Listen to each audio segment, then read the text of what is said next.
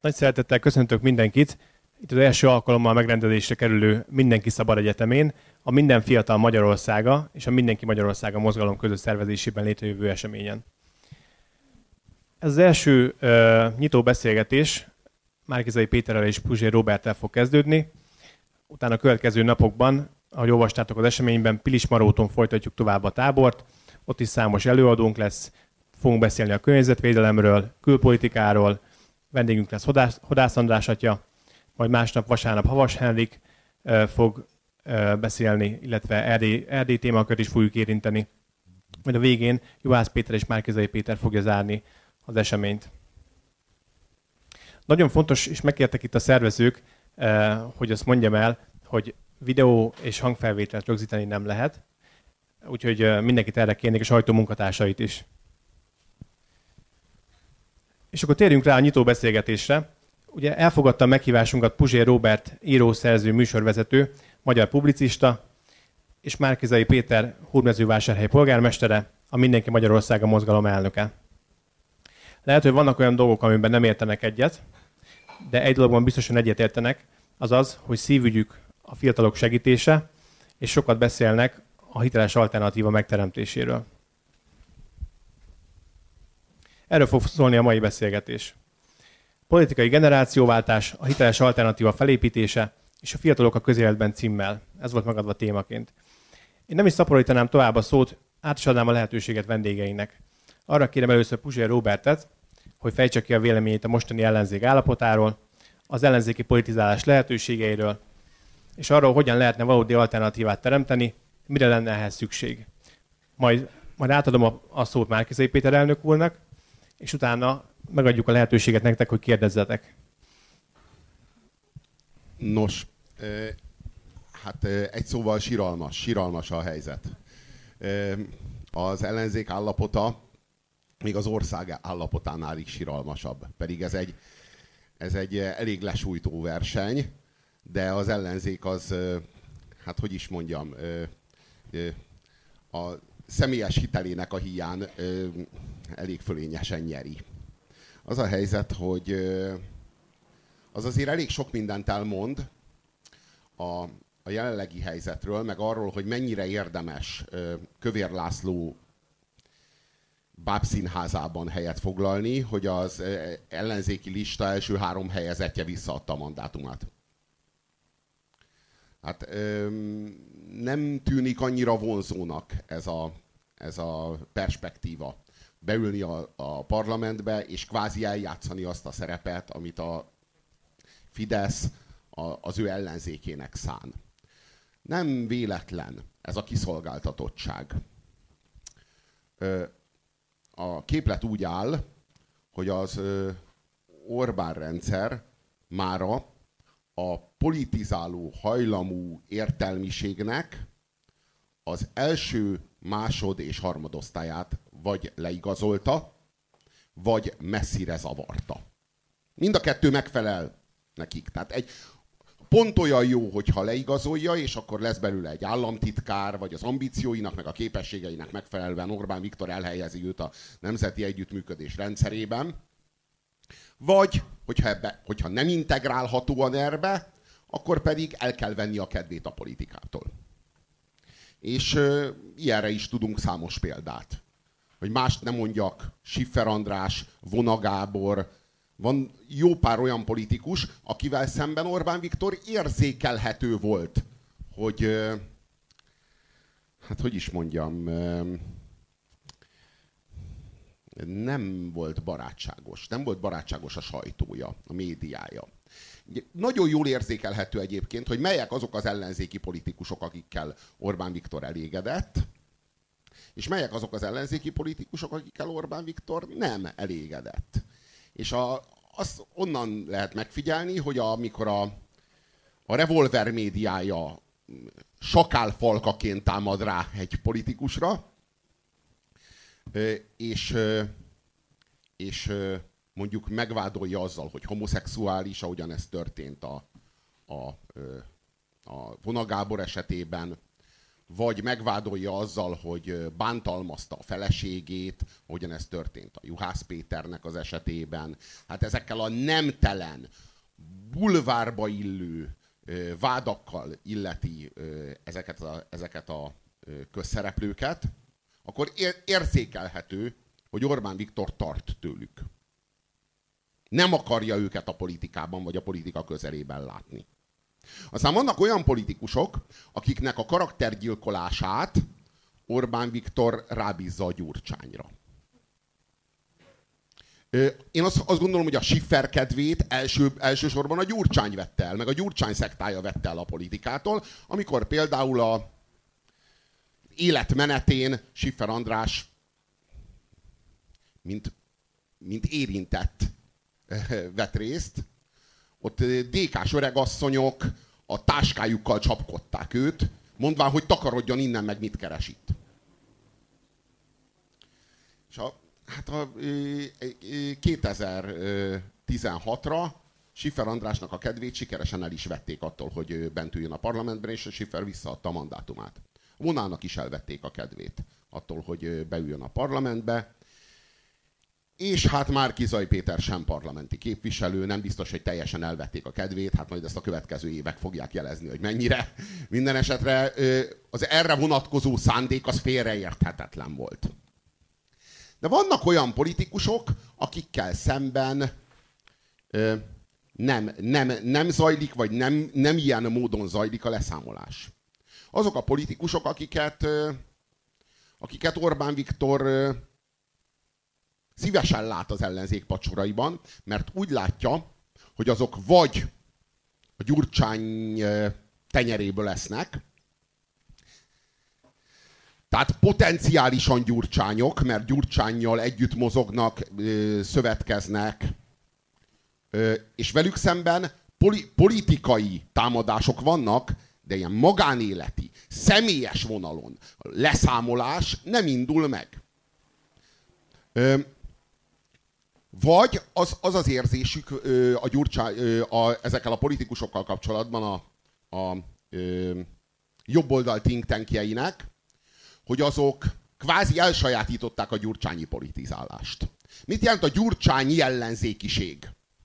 Az azt jelenti, hogy nem szabad elismerni semmit. Egyszer a Vadai Ágnes bent volt a, a, a mm, ATV-ben, és az ATV-ben Krug Emilia megkérdezte a Vadai Ágnestől, hogy tudna-e mondani bármit, amit az Orbán kormány jól csinál. És Vadai Ágnes azt mondta, hogy, hát, hogy nagyon el kell gondolkodnia, és hozott egy kressz módosítást. Majd azt is visszavonta a következő mondatban, mondván, hogy az sem, nem, nem, azt is rosszul. Hát, na ez a fajta ellenzékiség. Ez a, ez a, ez a dac, ez az ö, agresszív ö, elvitatása a másik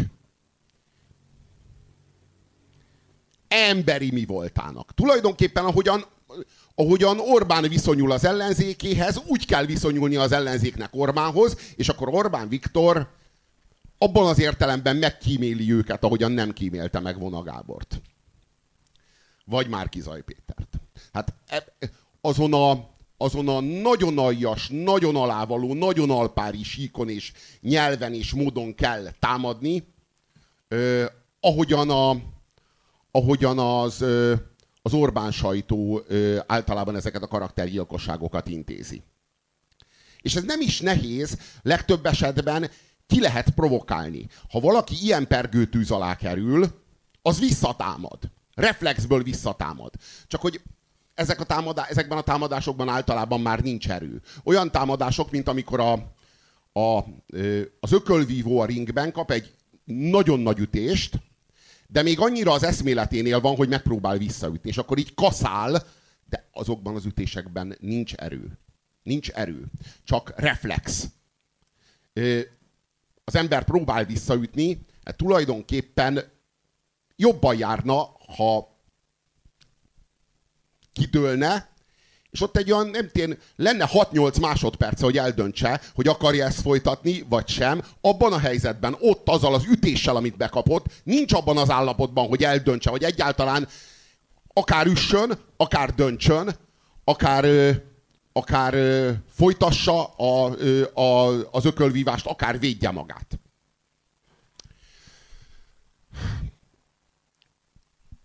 A dolog úgy néz ki, hogy az ellenzék az pontosan ugyanúgy, sajnos ezt kell, hogy mondjam, pontosan ugyanúgy az Orbán rendszer szerves része és támasza, mint akár Polt Péter ügyészsége.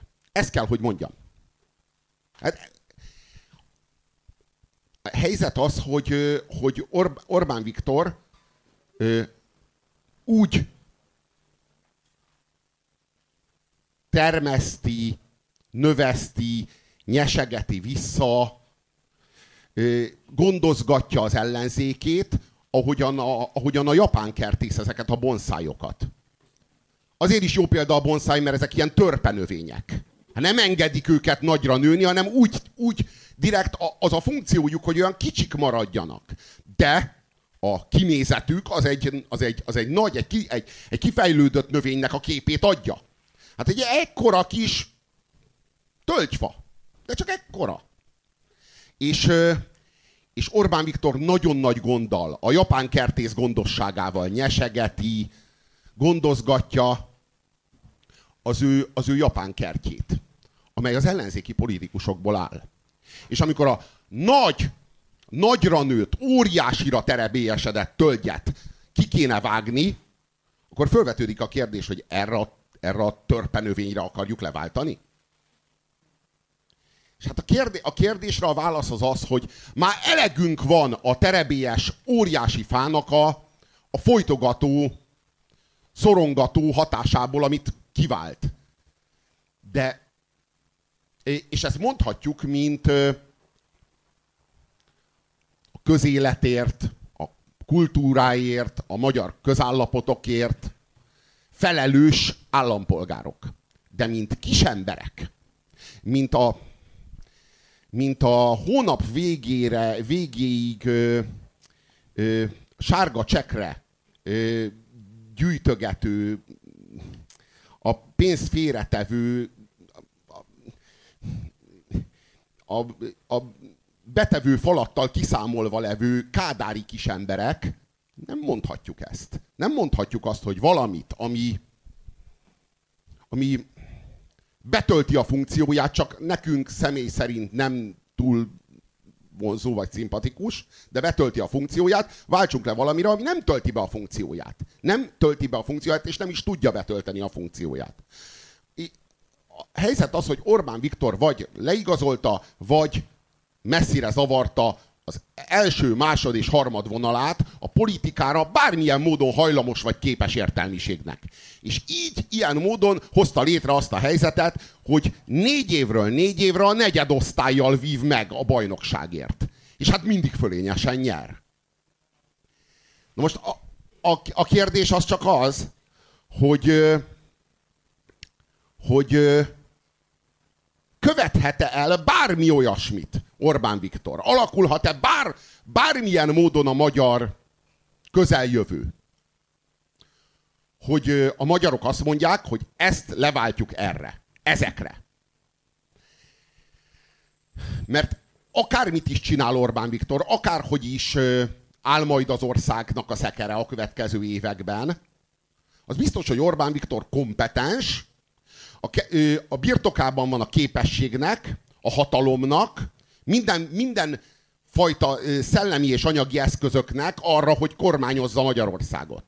Az ellenzék nem, hogy az eszközöknek nincs a birtokában, és ha mondjuk hatalomra jutna, sem lenne a birtokában, hanem hát leginkább a képességnek sincs a birtokában. Még annak a képességnek sem nagyon van a birtokában, hogy komolyan vehetően kihívja Orbán Viktort.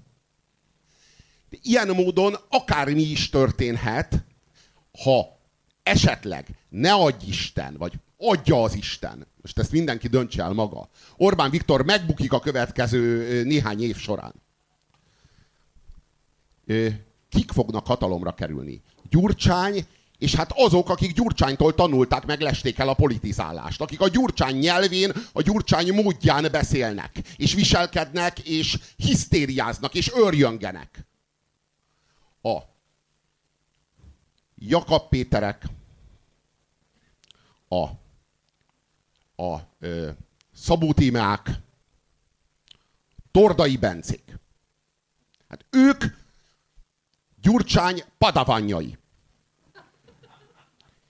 Mm. Azt szokták mondani, hogy a szit, sziteknek csak egy tanítványuk van, hát ez is nyilván így volt a, a mítoszban, a valóság azért ettől különbözik. Ö, ők, ők, ők minden vonatkozásukban gyurcsányok. Tehát ha most a gyurcsányjal valami történne, atya úristen, valami rettenetes dolog, nem kívánjuk a Ferinek ezt természetesen, ö, már nem hiányozna a parlamentből. Mert már a szelleme már átadódott. A politizálás, az Orbánnal szembeni politizálás már gyurcsány módra zajlik. És ilyen értelemben Orbán Viktornak nem kell tartania igazán semmitől. Mert akárhogy is alakulhat Magyarországon a helyzet, nem lesz senki, akire leváltsák. És e, ebben a tekintetben nagyon különbözik a helyzet 2008-tól, amikor jött egy rettenetes ö, gazdasági válság, ez a hitelválság, és ez már egy nagyfokú politikai hitelválságban érte Magyarországot és a Gyurcsány kormányt, és, és ennek lett a következménye a 2000, ennek a kettőnek az együttes következménye lett a, a Gyurcsány elkúrásának, csalásának, hazudozásának, le nem mondásának, szemkilövetésének és a 2008-as hitelválságnak az együttes következménye lett a 2010-es fülkeforradalom. De volt kire leváltani Gyurcsányt. Volt kire. Volt egy kompetens ellenzéke. Na ez az, amit Orbán Viktor már nem enged meg. Ez az, ami ma már nem létezik. És még a, a fontos, hogy a legkompetensebb ellenzéke még mindig a Gyurcsány legyen hogyha esetleg leváltják, ne előre lépjen Magyarország a jövőbe, hanem vissza. Ugorjunk vissza 2004-be, amikor Gyurcsány megpucsolta Megyesit. És kezdjük újra a történetet onnan, pontosan tudjuk, hogy hova fog kifutni a sztori. Hiszen már egyszer megtörtént velünk. Ha készen állunk arra, hogy újra megtörténjen, akkor le kell töltenünk újra az elmúlt 18 évet, hogy végül aztán újra ugyanoda jussunk, mint ahol most vagyunk. Albert Einstein úgy definiálta az őrületet, őrült az, aki újra, meg újra, meg újra elköveti ugyanazt, és azt várja, hogy az eredmény más legyen.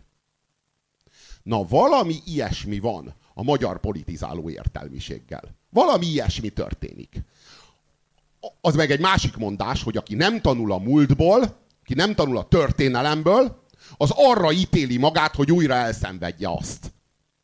hogy az alapvető ö, konzekvenciákat nem lehet levonni a múltból, akkor, akkor a múlt az, az jelenné válik, konzerválódik, és az lesz a jövőnk is. És a gyurcsányjal való összefogásnak a következményei azok jól láthatóak voltak ebben a kampányban. Én magam úgy, úgy, úgy álltam a dologhoz, hogy nem szabad.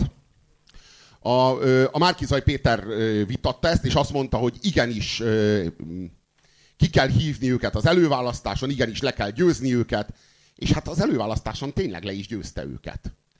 Én nem tudom, hogyan csinálta. A, ö, van, van olyan része, amelyikhez van fogalmam, hogy, az, hogy a ö, Karácsony Gergelynek ez a visszaléptetése hogy történt, én ezt nem tudom de, de bravúros volt, valóban. És, és sikerült is megnyerni az előválasztást. És az egy, az egy, az egy nagy sikerélmény volt. Mert az volt az élményünk, hogy esetleg leváltható ö, valamilyen módon, valamilyen értelemben belülről leváltható az ellenzék. Hát az eredménye a dolognak nem csak a választás eredményében, hanem Gyurcsánynak, meg a DK-nak az ehhez az ellenzékváltáshoz való viszonyában. Önmagában a vesztes választás után való elsonfordálásban. Meg a, ö, meg a folyamatos ö, hol nyílt, hol suttogó propagandán keresztül ö, lezajlott politikai támadásokban kifejeződött. Hogy mit jelent, meg mivel jár együttműködni Gyurcsányjal. Bár ne lett volna igazam. De hát sajnos igazolódott a dolog. És hát a helyzet az, hogy most megint ott tartunk, ahol, nagyjából az előző ciklusban ilyenkor, aki Orbánt le akarja váltani, annak Gyurcsányjal együtt kell leváltania Orbánt. Mert anélkül nem megy. Sőt, most már azt is tudjuk, hogy 2010 előtt is ez volt a képlet. Már 2010 előtt is csak az Orbán Viktorral együtt lett volna szabad vagy érdemes leváltani a Gyurcsányt. Szóval a helyzet az, hogy az ő antagonizmusuk az nagyon látszólagos. A hatalmuk az meg tényleges. Jó.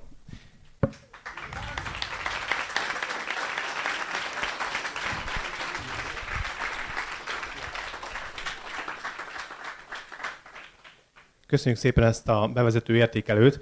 Láttam, hogy páran már itt fiatalok készítették a pengét, mert azt látták, hogy milyen rossz a magyar ellenzék állapota, és láttam, hogy egyre jobban így, így össze, összegöngyednek a széken, de az a jó hír, hogy arról is fogunk beszélni, hogy mi a jövő, és arról is fogunk beszélni, hogy, hogy mi az, amit tennünk kell a jövőben. Nyilván ezért csináltuk ezt a szabad egyetemet, tehát a következő kérdések majd azok lesznek, hogy merre tudunk tovább menni. Én is mindenkit szeretettel köszöntök, különös tekintettel persze Puzsér Robertre, és köszönöm, hogy eljött, elfogadta ezt a meghívást. Valóban mindannyiunk számára nagyon fontos, hogy ebből a gödörből ez az ország mégiscsak előbb-utóbb elinduljon előre, fölfelé, ki hogy szereti mondani. És igen, az első dolog, itt nagyon sok mindent jegyzeteltem közben, hogy a parlamentben az első, a lista első három helye nem ült be, de egyébként minek? Tehát, hogy őszintén szóval én, amikor ezen elgondolkoztam, sok szempont volt, nem csak ez, de nem látom azt, hogy a mai ellenzék a parlamentben igazán sokat tudna tenni, úgyhogy nekem nem az a csoda, hogy az első három helye, annak az ellenzéki lista első három helyzetje nem ült be, hanem hogy a többi mérült be. Tessék elképzelni, hogy ezt mondjuk a mi jogász, hivatalosan én csak azt gondolom, hogy a mi jogászaink rontották el.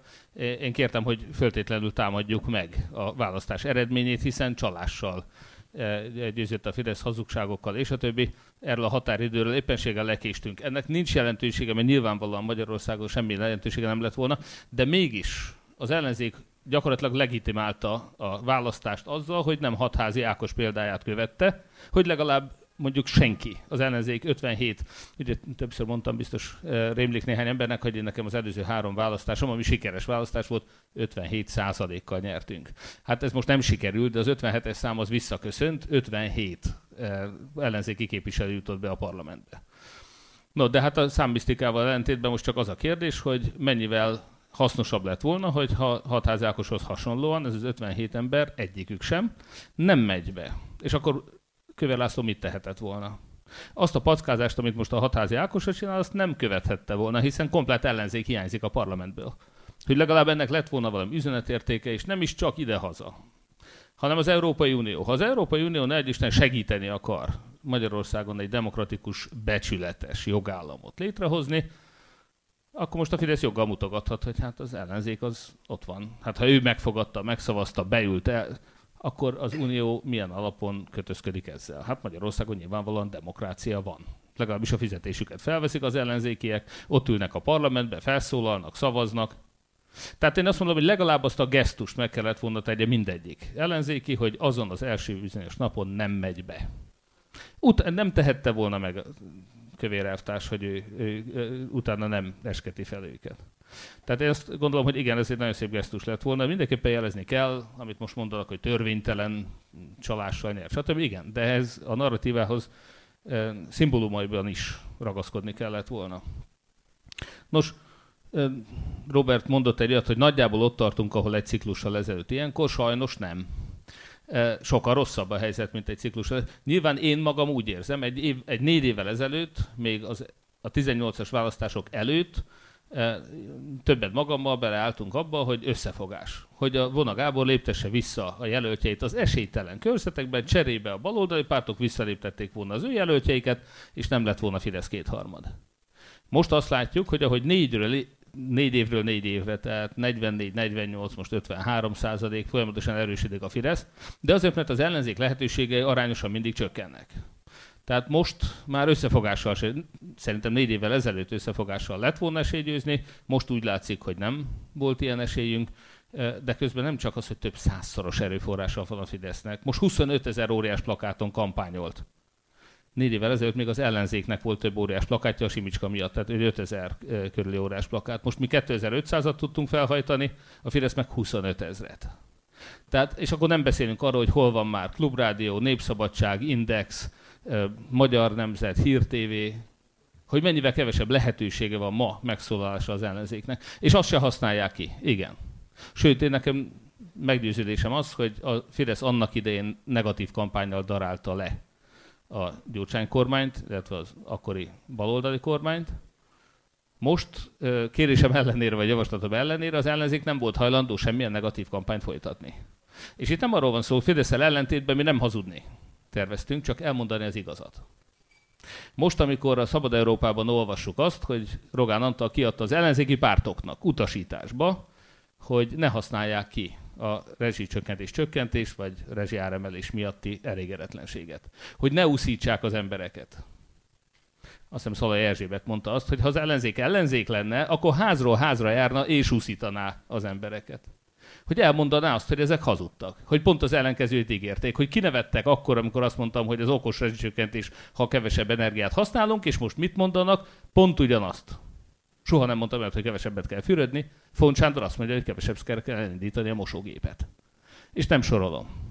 Háborús hazugság, úgy szintén nyilvánvaló, csak hazugságokkal nyertek. Tehát az ellenzék ma sokkal rosszabb állapotban van, de az esélyei tekintve is, nem csak a képességei tekintve, vagy nem elsősorban a képességei tekintve, mint négy éve.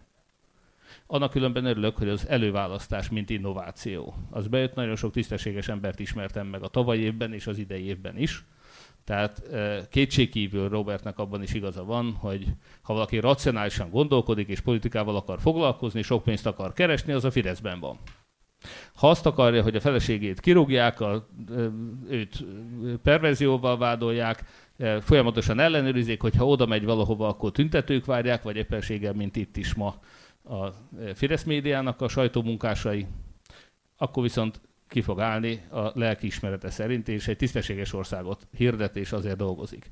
Szóval biztos, hogy nem könnyű ma, nem könnyű fölvállalni ezt a küzdelmet, ellenzékinek lenni, de azt gondolom, hogy nem adhatjuk föl hogy ezért az országért kell nekünk dolgozni. Sokkal rosszabbak a feltételek, rosszabbak az esélyek, de hogy mondjam, én is őszintén szóval nekem a lesújtó dolog április harmadikán az nem az volt, hogy minden várakozással, még a Fidesz várakozással is ellentétben kétharmaduk lett ismét, hanem hogy abban a pillanatban nem láttam, hogy mitől lesz ez más négy év múlva. Nem a, tizen, nem a 22-es választás ment el április harmadikán, hanem nagyjából a jövőnk. Én nekem ez volt a benyomásom, és ezért voltam nagyon elkeseredve. Azt láttam, hogy egy olyan gépezetet épít fel a Fidesz, hogy innentől kezdve tetszése szerint bármilyen hazugságot három hét alatt lenyom a magyar lakosság legalább három millió ember torkán, és bármilyen választást meg tud nyerni. Mert megvan ez a varázslatos csoda képessége, meg hát az ellenzék az fegyvertelen. És nem szellemileg, hanem anyagilag. Egyébként azt gondolom, hogy a a kampányunknak van még egy pozitív hozadéka. Igen, itt lett volna egy szakértői kormány. Igen, a pártok ez ellen voltak. A pártok nem akartak szakértői kormányt. Ők a saját embereiket akarták beültetni mindenhova, ők osztozkodni akartak a pozíción, ők pénzt akartak, és a többi. De ebben a kampányból mi felépítettünk egy szakértői kormányt, egy szakértői programot. Tehát ha az ellenzék építkezik, most nem egészen a nulláról megyünk, mert például van egy programunk. Nem sorolom fel az összes többi az előválasztást, az adatbázist, a 20 ezer önkéntest, aki kim volt szavazatszámlálónak. Hihetetlen innovációk voltak az ellenzéki oldalon. Tóka Gábor mondta azt, hogy most először az elmúlt 12 évben, az elmúlt 4 évben az ellenzék többet lépett előre, mint a Fidesz. Hát ez egy nagyon pozitív. Neki volt még egy pozitív olvasata, hogy szemmel láthatólag Orbán fölkészült arra, hogy elveszítheti a választást, és készült arra, hogy átadja a hatalmat. Hogyan készült rá? Hát bebetonozta az embereit. Hogyha ő nem gondolta volna annak a lehetőségét reálisnak, hogy hogy át kell adja a hatalmat, akkor nem erősítette volna meg a legfőbb ügyészt, meg a médiatanács elnökét gyorsan nem váltotta volna le, hogy újabb kilenc évre legyen kinevezve, és ne idén nyáron potenciálisan már nem ő határozhatta volna meg, hogy ki lesz ebben a székben. Tehát Orbán tulajdonképpen valóban annak a jeleit mutatta, hogy ő fölkészült erre. Hozzáteszem, az egyik legnagyobb probléma az ellenzékben, még a kampány alatt is, az elmúlt egy évben, amikor beszélgettünk, hogy nagyon sokan nem látták be azt, sőt, még rosszabb a helyzet. Volt olyan politikus, baloldali politikus, akivel beszélgettem, én mondtam, hogy a kétharmados kinevezetteknek a mandátum az érvénytelen. mert még az alaptörvényben is benne van, hogy a kizárólagos hatalomra törekvés az érvénytelen, ergo, hogyha Orbán kinevezget mindenhova saját embereket, azokat egyből ki kell rugni. Tehát az egyáltalán nem szabad, alkotmány ellenesen nevezte ki. Alkotmány ellenes az egész struktúra. Az, hogy egy költségvetési tanács, ami teljesen Orbán emberéből áll, az feloszthatná a parlamentet. A nép szuverenitást fölülírja. Szóval ilyen képtelenségek vannak Magyarországon, ezt egyből meg kell változtatni. Akkor a baloldali beszélgető partnerem azt mondja, hogy ehhez nem lehet hozzányúlni, stb. De hát mondom, ne haragudj, hát akkor két év múlva visszajönnek. Aztán nem két év múlva, egy év múlva. Tehát ők annak a biztos tudatában sem voltak hajlandóak a Fidesz hatalmának a tartó pilléreihoz hozzányúlni, hogy tudták, hogy ez azt jelenti, hogy pillanatokon belül visszajön Orbán. Hogyha csak tized ennyire nyúltunk volna a rezsicsökkentéshez, mint Orbán vagy a Katához, akkor itt tömegek masíroztak volna, mint a békemeneten, csak sokkal agresszívebben, és a költségvetési tanácssal, ha mással nem, megbuktatták volna a kormányt, mert beépítették ezt a lehetőséget. Orbánnak bármelyik pillanatban ott lett volna a gomba kezében, és megbuktatja az új kormányt. Amikor úgy látja, hogy egy új választások kiírásával már ügyőzne, egy gomnyomásába került volna. És ennek ellenére az ellenzék jelentős része nem volt hajlandó ez ellen lépéseket tenni. Ezt elfogadták, hogy ez így lesz. Az is nagy kérdés, hogy amiben elvileg megállapodtunk, ügyészséghez csatlakozás szerintem átment volna, és ez önmagában megérte volna akár azt is, hogy csak fél évre egy tisztességes becsületes vezetés legyen az országnak, de azt is látjuk, hogy mondjuk az elszámoltatás az fölöttébb kétséges lett volna. Hogy más nem mondjak, én ragaszkodtam, hogy hatházi Ákos vezesse ezt, az ellenzéki pártok általában, különösen néhányan nagyon nem szerették ezt. Ők nagyon nem akartak elszámoltatást. No de hát nézzünk előre, szóval ebben a helyzetben, még ha nagyon szomorú is és lesújtó, ebben egyetértünk Robertel, elég lesújtó az ellenzék állapota, de mégis e, valamit tennünk kell. Hát nem adhatjuk át, azt gondolom, az országot csak úgy is legfőképpen csendben ennek a mafiának. Róna Péter mondta, talán három hónappal ezelőtt egyszer telefonon beszéltünk, hogy addig, amíg ez a kultúra van Magyarországon, addig Orbán Viktor mindig megnyeri a választást, mert ennek a kultúrának, ennek az országnak ebben az állapotában Orbán Viktor a megoldás. Ő kell nekik. Amíg az embereket nem zavarja. A lopás, a szegénység, a hazugság, a megfélemlítés, addig Orbán Viktor simán. Ha arra van igényük, hogy folyamatosan hazudozzanak neki, gyűlöletkeltő propagandát folytassanak, megvédjék őket nem létező veszélyektől, hazugságokkal járassák le az ellene felszólalókat. Igen, ezt a versenyt Orbán mindig meg fogja nyerni. Szóval nekünk, és itt jönnek a fiatalok, itt jöttök ti, itt jön a Szabad Egyetem, mi azon fogunk dolgozni a jövőben is, hogy hogyan tudjuk eljuttatni az igazságot az emberekhez minél nagyobb számban, hogyan tudunk egy olyan politikus garnitúrát, és a tavaly előválasztás ebben, má, sőt a 19-es önkormányzati választás is évtizedek óta először olyan vérfrissítést hozott a politikában, nagyon sok megyégú városok polgármesterek közül nagyon sokat tudnék mondani, csak azért nem emelek ki senkit, hogy a többé ne érezzen nélkülözve vagy mellőzve magát, de civil emberek, még párton belül is olyan emberek, akik abszolút elfogadhatóak, tűzbe tenni méltókak ezeket, ilyen emberek kerültek az önkormányzati politikába, vagy az előválasztáson elő. Nekünk az a célunk, hogy minél több ilyen ember legyen. És legyen egy olyan diskurzus, ahol át tudjuk törni a buborékot. Mindaddig, amíg csak Orbán hazugságai jutnak le az emberekhez, addig megtörténik majd az, mint tegnap, amikor átsétáltam a Kossuth téren vásárhelyen a televíziónkba egy fölvételre, ritkán fordul elő ilyen tényleg több havonta néha egyszer. De egy fiatal hölgy, szerintem 18-20 éves, elkezdett ordibálni. Artikulálatlanul annyit értettem, hogy elvitte volna a gyerekeket. Úgyhogy most bizonytalanságban vagyok, hogy Ukrajnába vittem volna a gyerekeket meghalni, vagy nem váltó műtétre. Tehát addig, amíg ekkora hazugságokat, ilyen ostobaságokat be tudnak adni eh, magyar választópolgároknak, gyűlölködni fog. Jézus Krisztus elindulhatna egy választáson, akkor is háborús úszítót csinálna belőle Orbán. Amíg a propaganda gépezet így működik, addig ez így lesz. És akkor most három példát mondok, ami talán pozitív lehet. Az egyik, hogy a kommunizmus is megbukott, vagy szocializmus, ahogy sokan szeretik hívni. A 80-as években nyilvánvalóan nem volt jobb helyzetben sem az ország, sem az ellenzék, mint most. Minden hatalom ott volt az MSZNP, az akkori eh, kommunisták kezében, és mégis sikerült a rendszerváltás. Palotás János járt nálam a héten, és pont ezt hozta példának, és mondta el, hogy hogyan állt össze az ellenzéki kerekasztal, és a kommunisták azért mentek bele, mert úgy gondolták, hogy egy ilyen tárgyalásos békével, ha kiszállnak, akkor van esélyük visszatérni. Lehet, hogy meg tudnák tartani a hatalmat, de hogyha nem tárgyalnak, akkor ha mégis buknak, akkor soha többé nincs visszaút. Jó, Orbán Viktor még nem tart itt. És őszintén szóval az én jelöltségemmel ezt a lehetőséget annyira nem is ajánlottuk föl neki. A tárgyalásos szabad elvonulást. Tehát mi úgy gondoljuk, hogy a bűnözők börtönbe küldésével Orbánnak nem nagyon volt visszakoznia. Nem volt hova. Tehát egy kicsit az én erőszakosságom is benne volt abban, hogy ő eleve nem gondol. Hiába egy százalékesét adott arra, hogy az ellenzék győz, de neki egy százalék is túl sok volt. Családjának számos tagja esetleg börtönbe kerül, a vagyonát elveszíti, nyilván ez túl nagy kockázat. Volt egy másik időszak is, 94-98 Orbán. 94 és 98 között a Fidesznek ugye akkor egy nagyon elbukott választás után volt, 94-ben azt hiszem 6%-ot kapott, Igaz, 98-ban úgy lett kormányfő, hogy az első fordulóban talán 27-et kapott. Tehát mindössze 20, nem 51-et kellett kapnia, mint most az ellenzéknek, neki 28 is elég volt a két forduló miatt, meg a koalíció miatt. E, de abban a le- nem volt sajtója, nem volt pénze, a jobb és a baloldal is ellene volt, tehát Orbánnak valamit akkor sikerült megugrani, amit most lehet, hogy nekünk kellene. És egyébként, hogyha tovább megyünk, akkor azt is lehet mondani, hogy 2002 után is talpra tudtak állni, az egy egészen más helyzet volt, az MSZP és a Fidesz között olyan együttműködés volt, aminek köszönhetően például Gyurcsány Ferenc mentette meg Polt Pétert. Gyurcsány Ferencék azt a Keller Lászlót rúgták ki, aki el akarta számoltatni a bűnözőket, Fideszt is. Ezt nem hagyták neki. Már 2002 előtti bűnöket sem tártak fel. Nem volt elszámoltatás 10-ben sem, meg 2002-ben sem. Aki Gyurcsány kinevezett főügyész, az a hagyót, a cuslágot, a Humvaldot, baloldali bűnözőket elszámoltatott, de egyetlen Fideszes sem, miközben rengeteg Fideszes korrupciót ismerünk. Már abból az időből is. Tehát Gyurcsány Ferenc nagyon sokat tett azért, ilyen értelemben Orbánnak jobb esélyei voltak, mint most az ellenzéknek.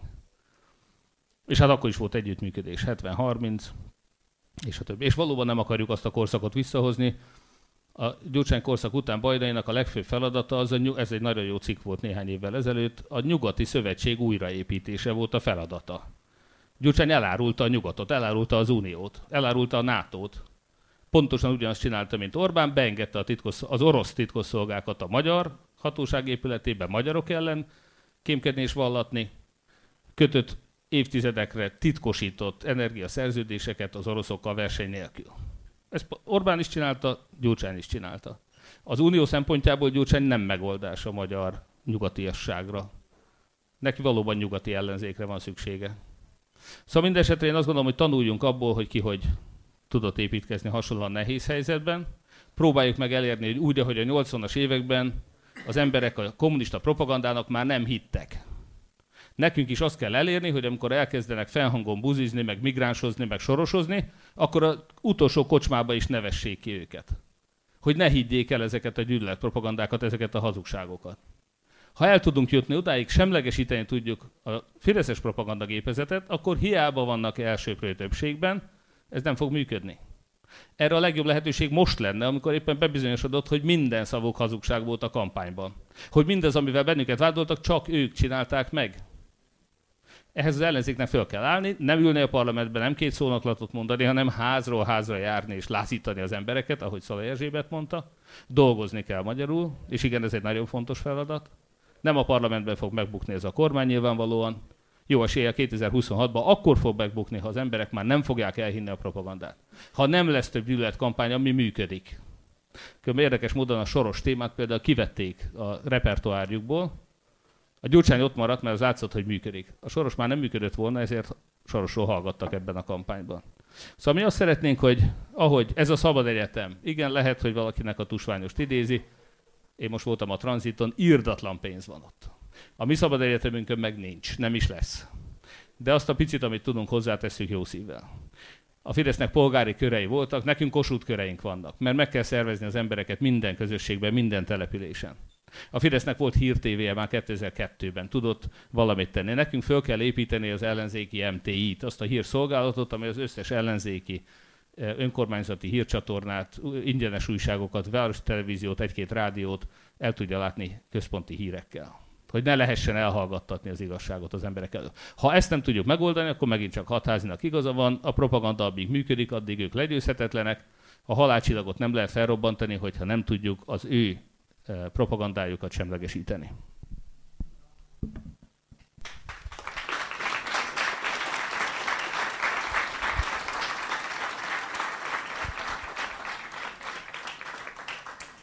Köszönjük szépen elnök úrnak. Ugye elnök úr már elmondta, pár szót értett arról, hogy milyen lehetőségeink vannak. Most Puzsé Robertet kérném meg arra, hogy elmondja, hogy most ebben a helyzetben mit lehet tenni ellenzékként. Nos, én azt gondolom, hogy elsőrendűen itt már nincsen többé értelme a klubrádióról, a népszabadságról, meg a választási törvényről, meg mindazokról beszélni, amikről az elmúlt 12 évben folyamatosan ment a magyarázás. Kvázi el, az ellenzéknek a, hát hogy is mondjam, felelősség áthárítása. Én elhiszem, hogy a klubrádiónak, meg a népszabadságnak a, a beszántása, meg a választási törvény hozzájárult ahhoz, hogy már idáig jutott Magyarország. Valóban. De ma már ezen semmi nem múlik, és aki erre fogja az ellenzék állapotát, meg az ország állapotát, meg a Fidesznek az újabb és újabb kétharmadait, az valójában eltereli a valóságról a figyelmet. Nem, már nem. Ez, ez, ezek meghaladott narratívák. 22-ben ezek már meghaladott narratívák. Orbán Viktor ö, nem a, nem a média fölényének köszönheti a hatalmát. Hogyha nem lenne ekkora média fölénye, hogyha nem lenne média túlsúlyban, abban van. Én nem akarom ezt vitatni. Csak azt mondom, hogy már semmi nem múlik ezen. Ö, hogyha itt ma Magyarországon teljes sajtószabadság lenne, és a, a, a ö, orgánumoknak a megoszlása az arányos lenne az ellenzéki, meg a, meg a kormánypárti erők közt, Orbán Viktor akkor is kétharmaddal nyerné a választást. Igen, nyerné a választást. Igen. Orbán Viktor először az intézményeket formálta át, ö, állította át ö, a, a maga képére. Majd az ellenzéket herélte ki, és az, kvázi az ellenzéket formálta át a neki tetsző módon a maga képére. És végül most arra elmondhatjuk, hogy a társadalom átformálása is megtörtént.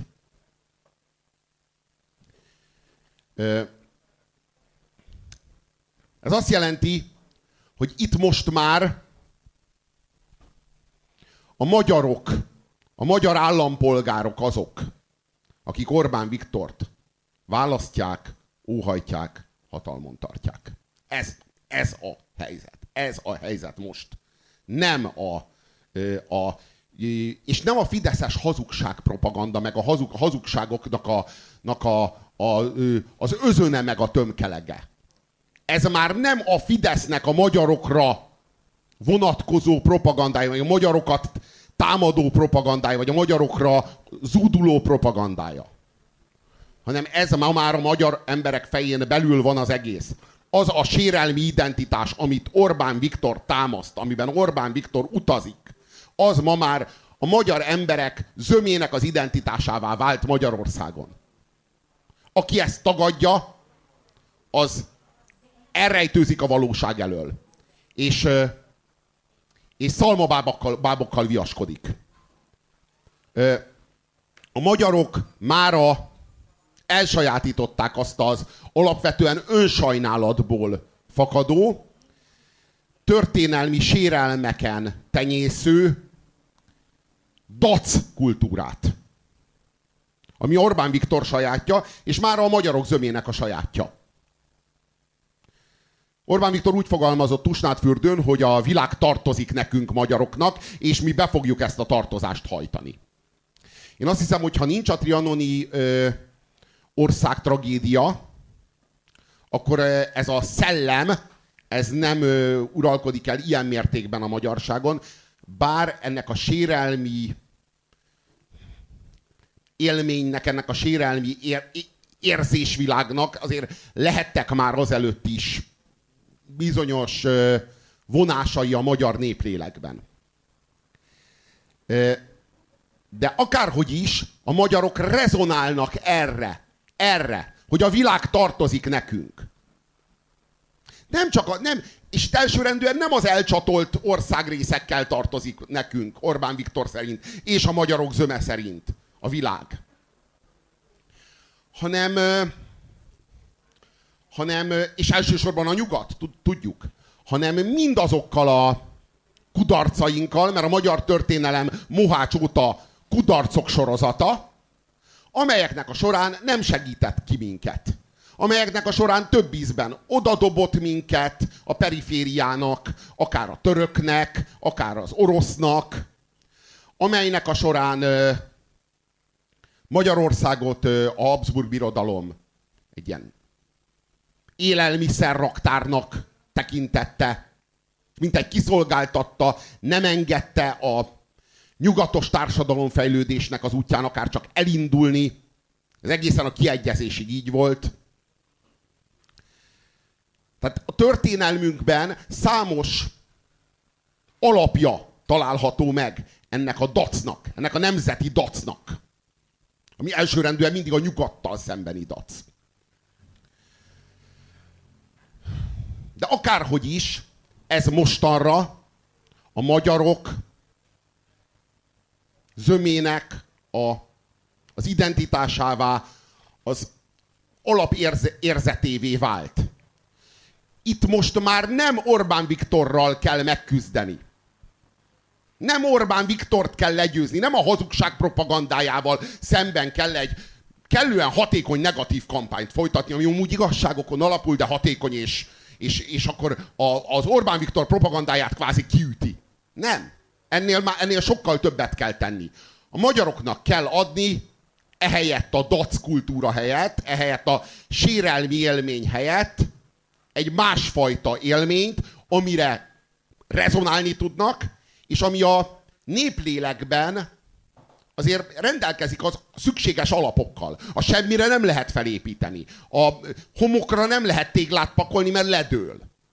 Hanem ehhez betonalapok kellenek. Na most ennek a sérelmi identitásnak a beton alapjai ott vannak a magyar történelemben, a magyar kultúrában, a magyar szellemben. Ezzel szemben kell egy másfajta nemzeti identitást és egy másfajta nemzeti alapállást és viszonyulást találni. És annak az érzésvilágát, és annak az identitását, és annak a szellemét kell a magyar emberek többsége számára vonzóvá tenni. Ezt a dacot, ezt a nemzeti dacot, ezt a sérelmi politizálást, ezt tulajdonképpen Csurka István fejlesztette ki, és kínálta fel a magyaroknak, csak akkor azon még rajta volt a szélsőségesség bélyege. Orbán Viktor tulajdonképpen a kommunikációjában, meg a nyugathoz való viszonyában, meg a soros hálózatokhoz, vagy akkor fogalmazunk úgy, hogy a globális hálózatokhoz való viszonyában kifejezetten a Csurka Istvánnak a, a szellemét viszi tovább. Most szükség lenne egy ezzel rivális szellemi alternatívára, amit föl lehet kínálni a magyaroknak. Enélkül nem fog menni. Itt alapvetően két rossz út van, amit az ellenzék próbálgat, és az egyik rossz útról a másikra csapódik át, aztán megint vissza, de egyik rosszabb, mint a másik. Az egyik az az, hogy hát ez az Orbán politika ez sikeres, hát akkor próbáljunk meg hasonlóan egy kicsit átvenni tőle, amit lehet, mert hát ez műk, láthatóan ez működik. Orbán Viktor rengeteg pénzt költött arra, hogy felmérje, aztán arra, hogy kidolgozza. Hát mi ezt nekünk ennyi, ennyi pénzünk nincsen, hát mi meg vagyunk fosztva a forrásoktól. Hát próbáljunk meg okosan, ügyesen, hát az Orbán így kommunikál, hát akkor vegyük, vagy próbáljuk meg a, a az ő vitorlájából kifogni a szelet azzal, hogy, hogy hát hasonló retorikát folytatunk. Szerintem ez tragédia. Tehát ez, ez csak a mi, mi hazánk számára lehet alternatíva, és az ő számukra is na, nagyjából ahhoz lehet alternatíva, hogy a Fidesznek az úgynevezett, hát hogy is mondjam, testvérpártja legyen az ellenzékben. Ez nem, ez nem járható út. A másik rossz út, az meg hát félig meddig a Gyurcsánytól lett eltanulva. ez a nyugatos identitáspolitikának a kritikátlan átvétele. És alkalmazása. Orbán Viktornak ez tökéletesen megfelel. Ő ezzel szemben akar politizálni. Ö, tagadják csak le, tagadják csak le a baloldali politikusok az ő politikájának a valóság magvait. És, és, és, és, és csőd lesz a kommunikációjuk.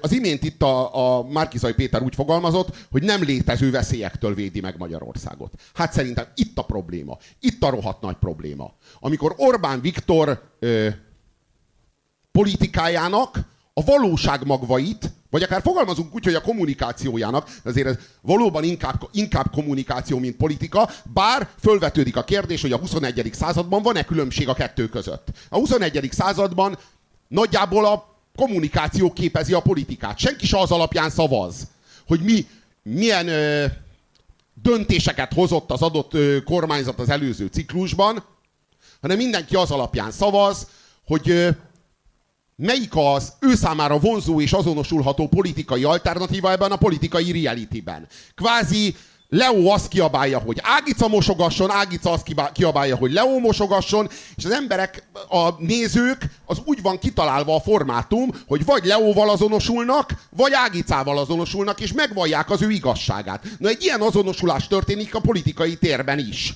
Na most a helyzet az, hogy nem, Orbán Viktor nem nem létező veszélyektől védi meg a magyarokat, hanem ezek igenis létező ügyek, létező problémák, és nyugatra, már tőlünk nyugatra is ezek határozzák meg a politikát.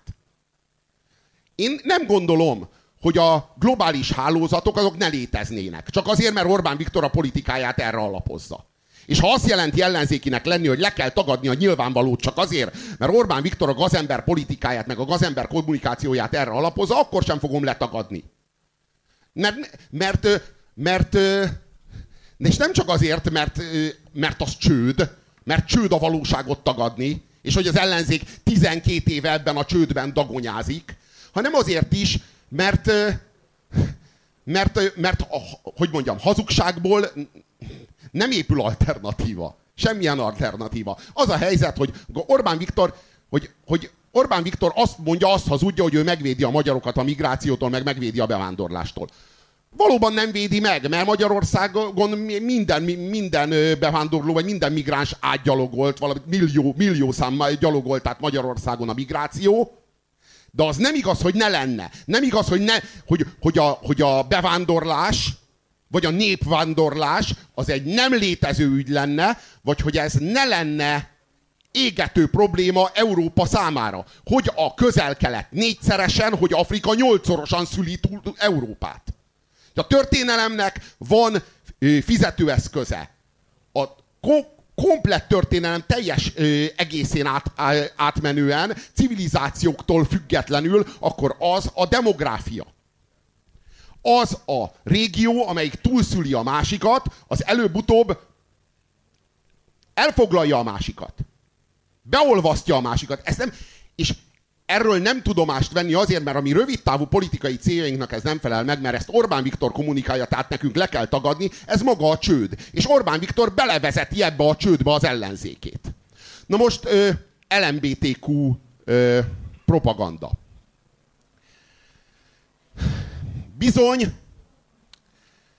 ennek is megvan a valóság magva.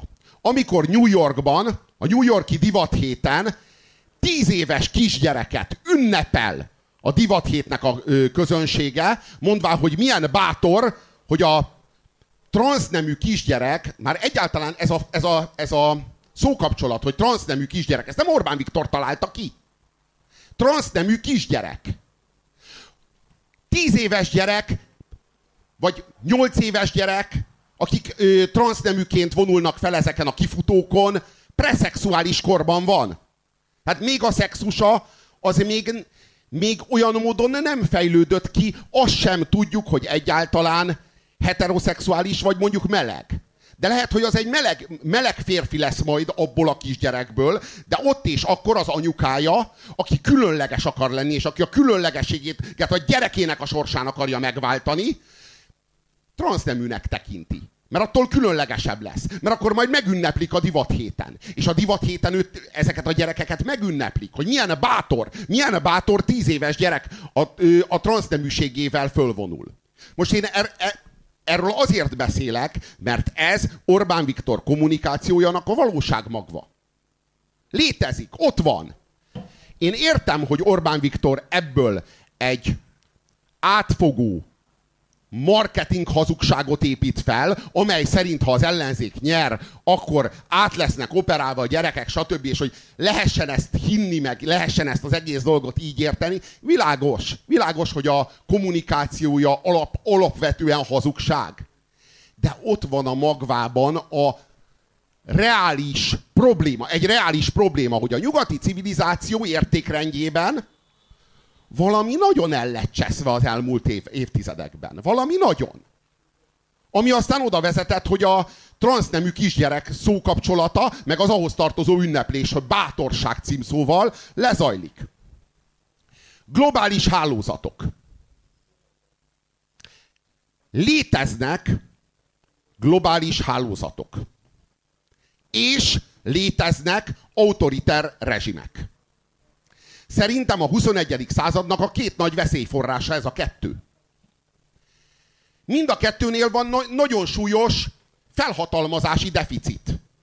A autoriter rezsimeknél hát ugye arról van szó, hogy hát nem teljesen demokratikus, nem teljesen jogállami alapon uralkodnak a társadalmak felett, a, a, a globális hálózatok esetében meg arról van szó, hogy senki nem választotta meg őket, hanem a pénzükből, amit a kapitalizmusban kerestek, sok esetben ebből szereztek, mint mondjuk Soros György, hogy más példát nem mondjak, már elnézést, vagy ne, mert nem, nem, lehet, nem lehet úgy nézni a folyamatokat, hogy hát akitől jött a pénz, az kritika fölött áll. Nem lehet így nézni a folyamatokat, hanem be kell látni, hogy Soros Györgynek semmi keresni valója a politikában. Semmi keresni valója a politikában. Mert ő egy üzletember. Mondjuk. De kis jó indulattal. Nincs semmi keresni valója a politikában, mert senki nem hatalmazta fel rá. Itt van egy legitimitás deficit. És ezt nem, le, nem, lehet, nem lehet letagadni. Nem lehet azt mondani, hogy hát ez az ember egy mizantróp. Mert ez az ember nem, nem, nem arról van szó, hogy ez az ember ez pénzt utal a hajléktalanokat gondozó alapítványnak, hanem arról van szó, hogy Soros György létrehoz olyan intézményeket, amely intézmények politikát formálnak bizonyos országoknak, méghozzá Soros Györgynek tetsző politikát. Ezt ő úgy nevezi, hogy nyitott társadalmakat hoznak létre nem teljesen mindegy, hogy mi a vé, én véleményem, vagy bárkinek a véleménye arról, amit a Soros György jóhajt. A Soros György erre nem kapott felhatalmazást, hanem ő a pénzéből, amit megkeresett, vagy hát összesortolt, abból ő befolyást vásárol a politikába. Na most, hogyha ez így van, ez nem szuverén ö, politikai befolyás, hanem ez, ez, ö, ez egy ö, rendszerhiba. Én... Erre, bocsánat, bocsánat. Erre a rendszerhibára fölhívni a figyelmet, ez nem, ez, hogy mondjam, ez nem, ez nem, nem lehet, nem lehet politikai baklövés, hanem ezt letagadni, ezt letagadni úgy gondolom, hogy az a politikai baklövés. Na most ezeket a valóságmagvakat, ezeket letagadni, az úgy gondolom, hogy az a, az a fegyverletétel. Gyakorlatilag fegyverletétellel ér fel. Ö, nem, az a, nem, ö, nem létező veszélyek ezek, hanem nem a maguk helyén, a maguk súlyán kezelt veszélyek ezek, hanem szándékosan eltorzított, és, és ö, Orbán Viktor ö, védelmezői, Orbán Viktor paternalista szerepével ö, szembeállított veszélyek, akikkel szemben mi meneküljünk Orbán Viktorhoz. De amíg az ellenzék azt mondja, hogy ezek nem létező veszélyek, ilyen problémák nincsenek, hogy Soros György nem szól bele a politikába, hogy senkinek esze, esze ágában nincsen ö, ö, konverziós műtéteket végezni, mikor tudjuk jól, hogy léteznek ilyen műtétek, ha nem is kisgyerekeken, de léteznek a nyugati civilizációban ilyen műtétek, és léteznek kisgyerekek, akiket ünnepelnek a New Yorki divat héten, mondván milyen bátrak, hogy, hogy vállalják azt, hogy transzneműek, holott hát még csak nem is kifejlődött férfiak vagy, vagy nők, hanem csak kisgyerekek. Szóval, hogy ez létezik, ez létezik, és én azt gondolom, hogy rossz politika ezeket letagadni. Ö, és úgy gondolom továbbá, hogy rossz politika fizetést fölvenni Orbán Viktortól, és így kihívni Orbán Viktort, meg Orbán Viktornak a rendszerét. Ezen is túl kéne, hogy már járjon az ellenzék. Már réges-régen ott kéne, hogy tartson az ellenzék, hogy a, az, a mandátumát visszaadja, hogy az országgyűlésben egyetlen ellenzéki sincs, és akkor lehetne azt mondani a mi hazánkra, melyik beül az országgyűlésbe, hogy hát ez tulajdonképpen a Fidesznek az egyik ilyen, hát hogy mondjam, külső tagozata, vagy lehetne azt mondani, hogy van három kormánypárt, a KDNP, a Mi Hazánk és a Fidesz. De ilyen körülmények között ezt nem lehet mondani. Azok, azoknak az országgyűlési képviselőknek, akik mandátumot kaptak, már réges-régen egy árnyék parlamentet kéne képezniük, és ott kéne ülésezniük, és annak az árnyék parlamentnek az üléseit kéne versenyeztetni Kövér László bábszínházának az üléseivel. Nézettségben. A magyar társadalom problémáira való reflektálás vonatkozásában. A magyar társadalom megszólításának a képességében. A felelősségérzet felmutatásának a képességében. És akkor Kövér László elkezdhetne szorongani. Hogy az ő bábszínházát már nem nézi senki. Hogy arra már nem kíváncsi senki. De a helyzet az, hogy az ellenzék megrendezi az előadást. Napról napra Kövér Lászlónak. Most ilyen körülmények között nem lehet ezt várni, csak hát a helyzet az, hogy az ellenzék, ellenzéki képviselők az árnyék parlamentben nem kapnának fizetést. Ugye? Kövér Lászlótól megkapnak. Hát arról van szó, hogy a konzekvens ellenzéki magatartás nem bírja a fizetési versenyt Kövér Lászlóval. Ja hát, hogyha így van, akkor miért is ne tekintsük pont ugyanolyannak a párbeszédet, meg az LMP-t, meg a DK-t, meg az MSP-t, mint a mi hazánkat? Mi a döntő különbség? Mert itt egyetlen egy kérdésben van döntő különbség és vízválasztó, hogy fölveszed a fizetést Kövér Lászlótól, és ezzel asszisztálsz a rendszerhez, kvázi az egyik intézményévé válsz a rendszernek, akár csak mint parlamenti képviselő, vagy nem, nem, válasz, nem vállalod föl, nem veszed föl ezt a fizetést, és elkezdesz egy párhuzamos történetet, egy párhuzamos narratívát írni. Meg el kéne kezdeni Magyarország párhuzamos történelmét írni. Mert egy szedett, vedett bagázsra nem fognak leszavazni a magyarok Orbán Viktor ellen. Ez a helyzet. Orbán Viktor túl kompetens, ezek meg nyomorultak. Nyomorultak. És a helyzet az, hogy nem, nem pusztán, hogy nyomorultak, hanem, hanem kicsinyes, olcsó, filléres nyomorultak, akik Kövér Lászlónak az adományaira szorulnak hónapról hónapra. Vagy ha nem szorulnak rá, hát elteszik. Úgy fogalmazott az imént a, a Márkizaj Péter, hogy Gyurcsány Ferenc visszahozta a, a szovjet titkosszolgálatot, vagy orosz titkosszolgálatot Magyarországra. Hát a helyzet az, hogy szerintem a helyzet ennél rosszabb, a KGB soha ki sem vonult innen. Mindig is itt voltak. Vajon miért nem hozták nyilvánosságra az ügynökaktákat még eddig egyetlen egy kormánynak az uralma alatt sem? Hogy lehet ez? Robert, nem van egy egymillió, van egy egymillió... folytani a szót, csak megígértük a többieknek, hogy ö, tehetnek fel kérdéseket, és rohamosan fogy az időnk. Úgyhogy... Van egy... Ö... És én meg szeretném kérni azt, hogy egy utolsó záró mondatként ezt ö, fejezve be, utána átadnánk a szót elnök úrnak. Jó, oké. Okay.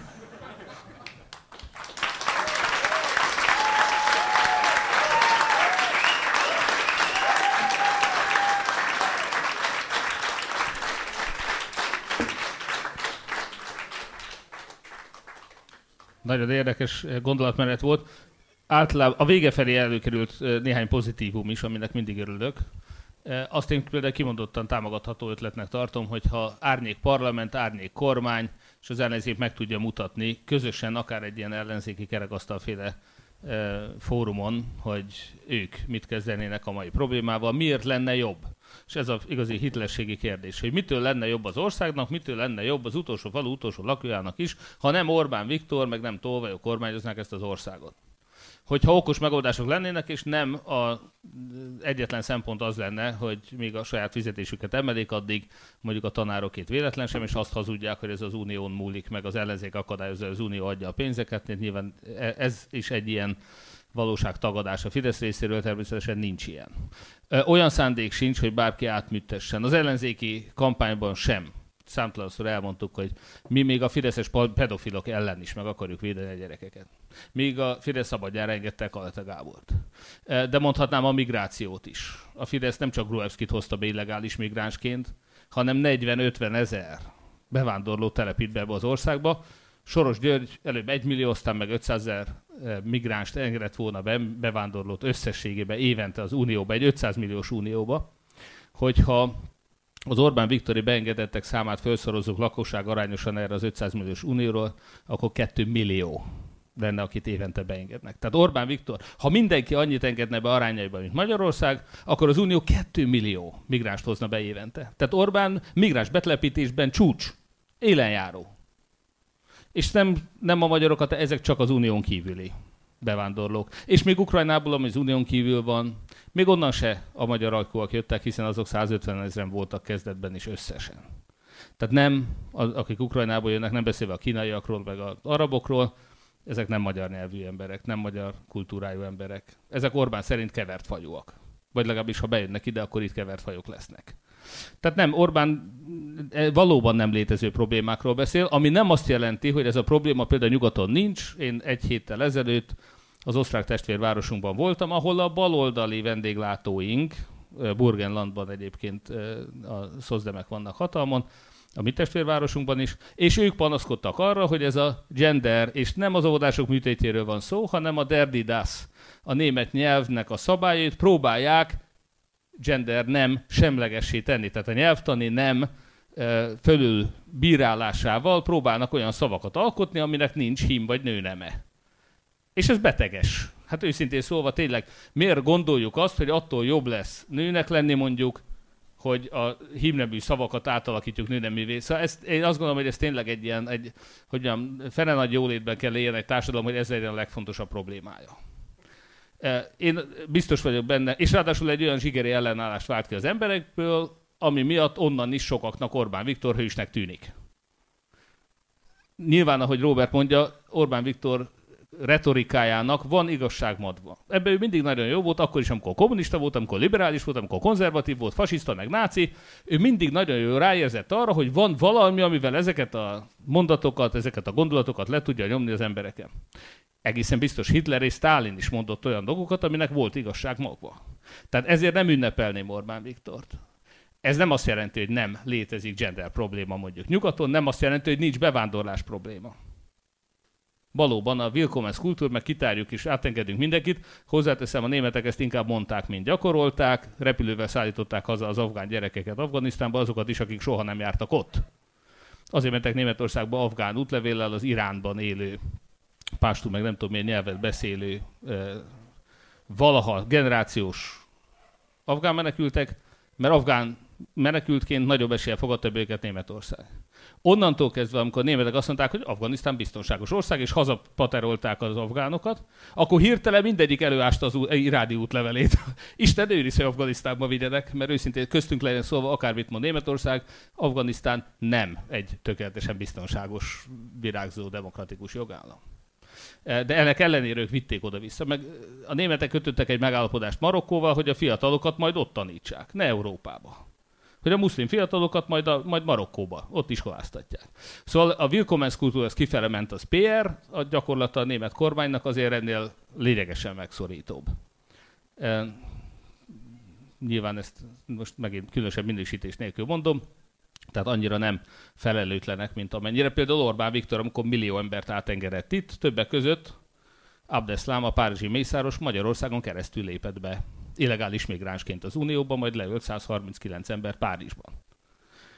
Tehát azért Orbán Viktor nem tett meg mindent az illegális migráció ellen. Szóval nem azt mondom, hogy nem léteznek a problémák, de az, hogy az ellenzék, tegnap néztem az Origó, még mindig azt írta, természetesen a Sorostól kaptunk minden pénzt, én folyamatos kapcsolatban vagyok a béka emberként Soros Györgyel, és összefogtunk azért, hogy elöntsük Magyarországot migránsokkal, meg nyilván nem átalakító műtétés, és a többi.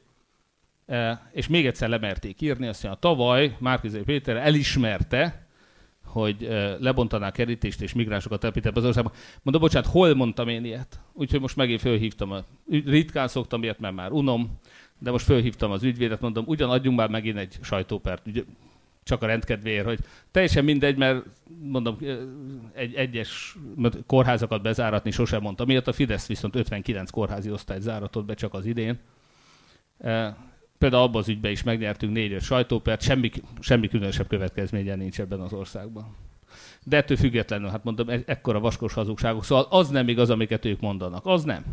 Az, hogy ő, ezzel megsértődött szegény miniszterelnök úr, amikor mondtam, hogy jó pénzérő, büszke pedofil is lenne, ha ebből lehetne lopni.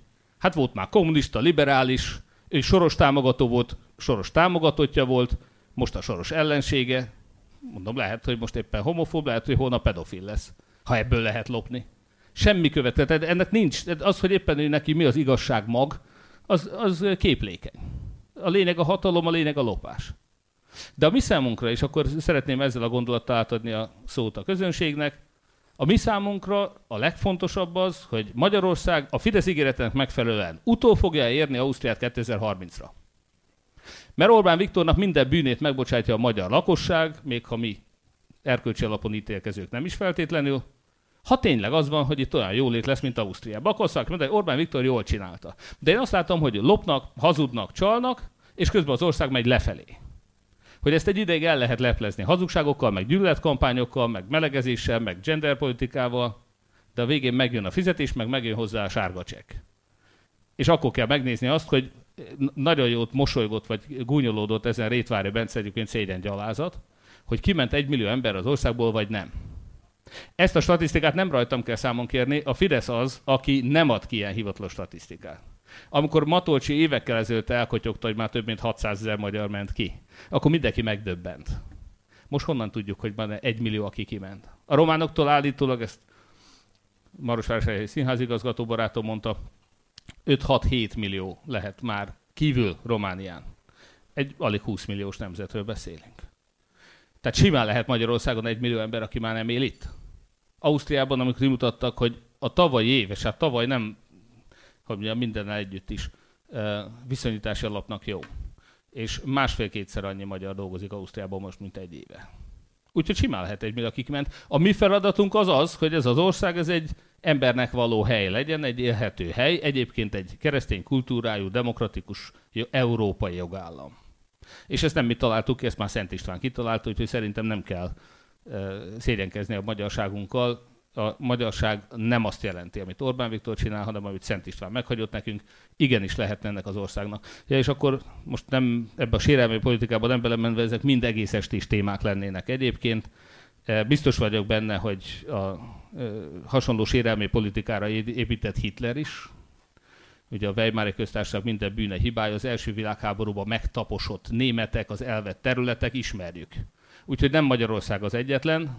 Én még azt is mondhatnám, hogy az észteknek vagy a finneknek is lenne oka azt mondani, hogy a nyugat magukra hagyta őket, és a többi, de valószínűleg ők nem a sérelmi politikából indultak ki, hanem a, ahogy az íreknek is egyébként a Európa legszegényebb nemzetei között voltak, a krumplivész elvitte a lakosság jó részét, kivándoltak Amerikába, és a többi de nem, síras, nem siránkoztak, hanem egy olyan országot teremtettek, ahol a technika, a modern gondolkodás, a nyugat, a haladás azt eredményezte, hogy ma GDP-ben az egyik legfejlettebb ország, oktatási eredményben a legfejlettebbek.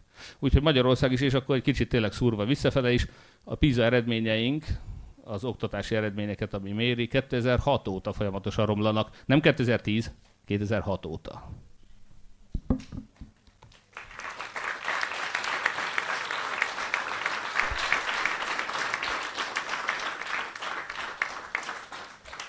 Köszönjük szépen, és most az ígéreteinkhez híven a kérdéseknek adunk lehetőséget, úgyhogy akinek van kérdés, ezt tegye fel a kezét. Először ott hátul az úr jelentkezett, utána pedig a hölgy.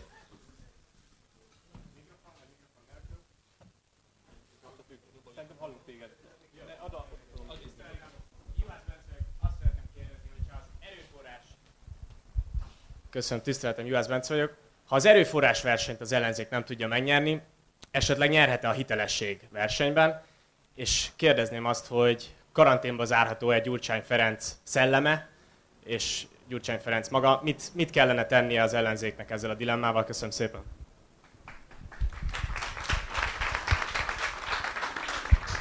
Hát csak a hitelességversenyt lehet megnyerni az erőforrás versennyel szemben. Nyilvánvaló, hogy meg nincs más út, mint hitelesebbnek lenni, de ehhez a hitelességhez mondjuk az kéne, hogy az egyszeri választó, amikor ránéz arra a politikusra, akkor azt lássa, hogy ennek a politikusnak az adott szava, meg a, az, ami, az, amit magyaráz, az fontosabb, meg fajsúlyosabb annál, mint az a pénz, amit fölvesz Kövér Lászlótól. Hát fontosabb neki. Lát, látnánk az áldozatot, hogy ő egy súlyos áldozatot hoz annak érdekében, elesik havonta 3 millió forinttól, mondjuk, hogy, hogy ő ezt ebben a hitelességi versenyben Orbán Viktorral szemben alternatívát tudjon képezni. De hát a helyzet az, hogy a, amilyen a társadalom, olyan az elitje. Én nem akarom, én nem akarom. Az a baj, hogy itt Magyarországon a politikusok mindig megspórolják a társadalom kritikát. Hát mindig az elitet kritizálják, az intézményeket kritizálják, a, a globális hatalmakat kritizálják, az, a, a, valamelyik a keletet kritizálja, valamelyik a nyugatot kritizálja, de hát a magyarok, hát ők csodálatosak. Ők, csodá, ők csodálatosak, csak hát sokkal jobb vezetőt érdemelnének. Vagy hát sokkal jobb ellenzéket, a másik oldal szerint. És a helyzet az, hogy a, a magyar társadalom kritikáját megspórolva nem juthatunk hiteles analízisre. Sajnos, amilyen állapotban van a magyar társadalom, azt tükrözi az elitje.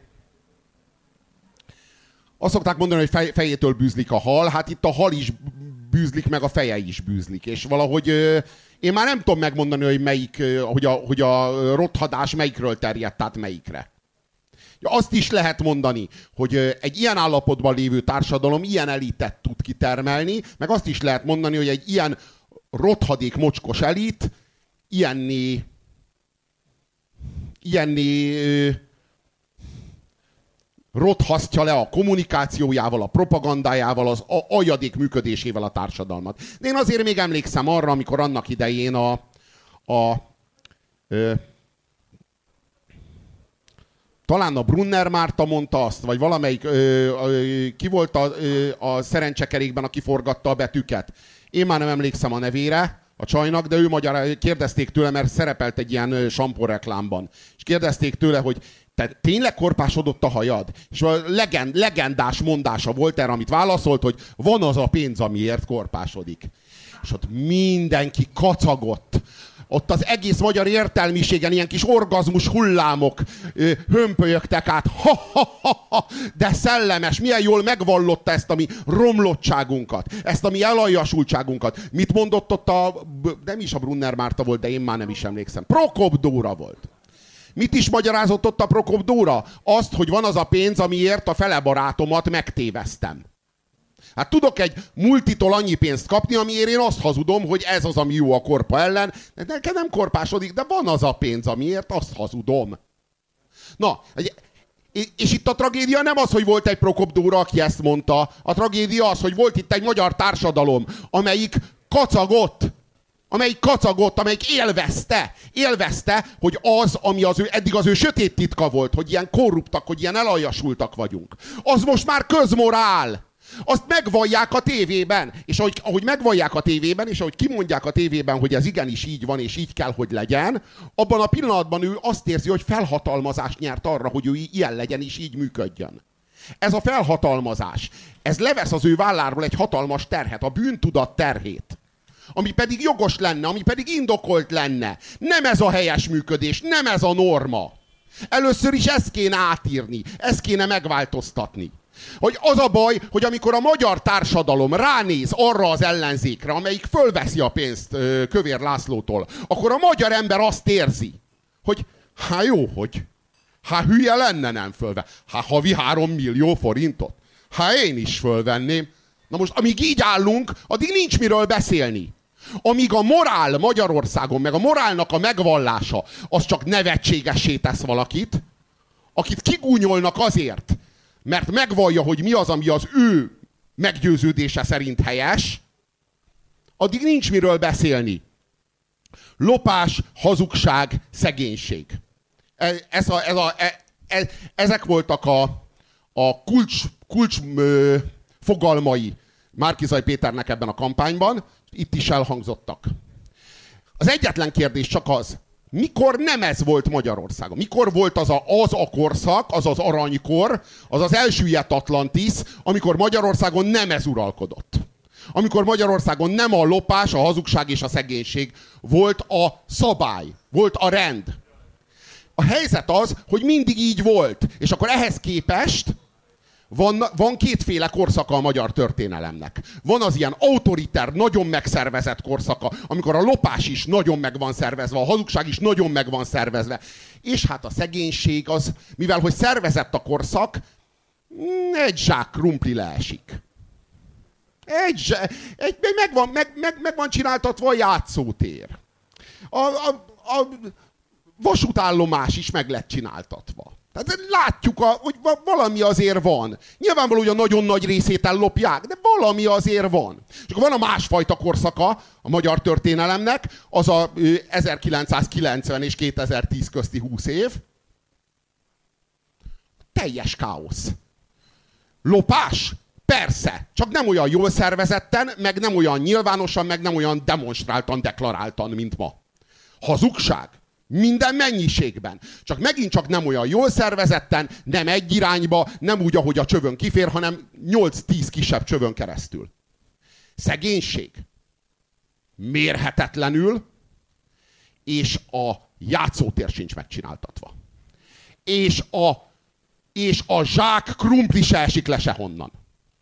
Most a magyarok előtt, a magyar társadalom előtt, ebben a rettenetes morális állapotban lévő magyar társadalom előtt ezek az alternatívák állnak.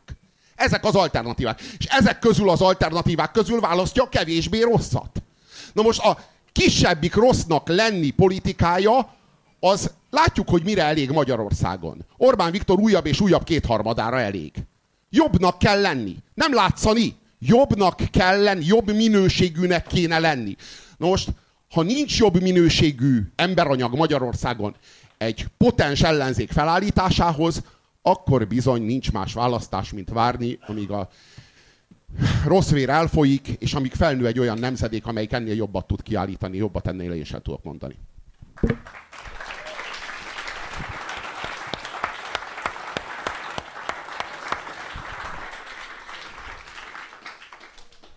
Szeptember 10-én játszótér avató lesz Hódmezővásárhelyen. Várlak szeretettel. Ami ennél izgalmasabb egyébként, hogy négy és fél éve vagyok polgármester, megörököltem 10 milliárd tartozást, addig két és fél milliárdot kapott Lázár János vásárhely számára, amit nem tudott szabályosan elkölteni, mert nem érdekelte őket. Mi nem kapjuk ezt a pénzt. Az ő szabálytlanságai miatt milliárdokat fizettünk vissza a belügyminisztériumnak, üres, mínuszos kasszából. Az uniós pénzt, amit csak az adott célra lehetett költeni, a számláról hiányzott. Nem elkülönített számlán kezelték, eltapsolták. Városi lakásokat 40% kedvezménnyel nem a rászorultaknak adták oda, hanem a fideszes embereknek aki volt olyan is, amikor elfelejtett bejelentkezni, csak a bérlő vehette volna meg, de a bérleti szerződése későbbi volt, mint az adásvételi szerződés volt olyan lakás, aminek a négyzetmétere változott, mert amikor bérelte, még kisebb volt. Amikor eladták, akkor már teljes négyzetmétert beírták. Nem sorolom tovább, hogy tényleg milyen állapotok voltak. Ez négy és fél éve. Volt egy közismert közvilágítási projekt, Tiborc Lázár nevéhez köthető, a város első téteret. Ezt mi kiavítottuk. Évről évre emelték az ingatlanadót, mi megszüntettük. A játszótereket a Fideszes kormányhivatal bezáratta, ha egy csavaron nem volt műanyag kupak. Az egész játszóteret, nem azt az egy játékot. Mi tavaly azt mondtuk, semmi gond, felújítjuk az összeset, 100 milliós fejlesztési programon, de most egy 14 milliós eszközt adunk át ebből. Ivóvizet öltötték a strandnak a merencéit. 100 millió forintos veszteséget spóroltunk meg azzal, hogy a saját kutunkat víztisztítóval szereltük fel most felújít okos rezsicsökkentés. Egy idősek otthonában egy 700 milliós projekttel uniós pénzből, de 77%-kal csökkent a rezsi. Egy új bölcsidét, amit a Fidesz bezáratot most nyittatunk meg, gáz nincs is bevezetve, napelemek vannak, és hűtő-fűtő klímák abból a napelemből tudják a jól szigetelt épületet hőn tartani. Szóval igen, van példa, és ígéretfigyelő.hu. Mindenkinek ajánlom, én is kigyűjtettem az összes ígéretünket, ott van, most 80%-nál járunk, az idő 60%-a telt el. E, és ez számon kérhető. És nem fogom tudni az összeset megcsinálni, mert szerettem volna, hogyha a kórháztól megkapjuk a járóbetegellátást, ígértem is, aztán kiderült sajnos, hogy törvény tette lehetetlenné, és a Fidesz nem, nem nyertük meg a választást, tehát nem tudjuk megújítani a járóbetegellátást. Nálunk is osztályokat zártak be, nálunk is várólisták vannak. Van, hogy egy gipszelésért a szomszédos Szegedre kell átmenni 25 kilométert, egy gipszelésért, pedig van kórházunk. Tehát mindent nem tudunk betartani, de azt a kultúrát megmutattuk, hogy önkéntesség, és van néhány kedves önkéntesünk itt egyébként, hogy mi szemét, önkéntes irodát nyitottunk, és szemétszedést, faültetést és a többi ilyen programokat szervezünk például. Adakozás. Nem csak az össz kampányunkat, hanem Hódmezővásárhelyen is minden kampányt adományokból csináltunk, és én már negyedére számoltam el tételesen, bevétellel, kiadással. Igen, ez egy más kultúra. Igen, teljesen egyetértek azzal, hogy addig, amíg a lopás, hazugság, szegénység ördögi körében mozgunk, addig ebből az útvesztőből Magyarország számára nincs kiárat. Én öt évet töltöttem Észak-Amerikában, de életemben mindig nyugati cégeknél dolgoztam, mielőtt polgármester lettem. És látom azt a kultúrát, látom, hogy mitől jobb. Én nekem nincsenek illúzióim. Én szerintem nem a magyarok rosszabbak, mint a nyugati vagy a kínai emberek, és a többi. Nem lustábbak, nem gonoszabbak, nem rosszabb, romlott erkölcsűek, hanem leginkább talán a Kádár rendszer óta ott megváltozott valami, ott elfogadottá vált. A kispénz kisfoci elfogadottá vált, hogy ami közös, az az enyém is, és azt haza lehet vinni. Ez egy rossz beidegződés.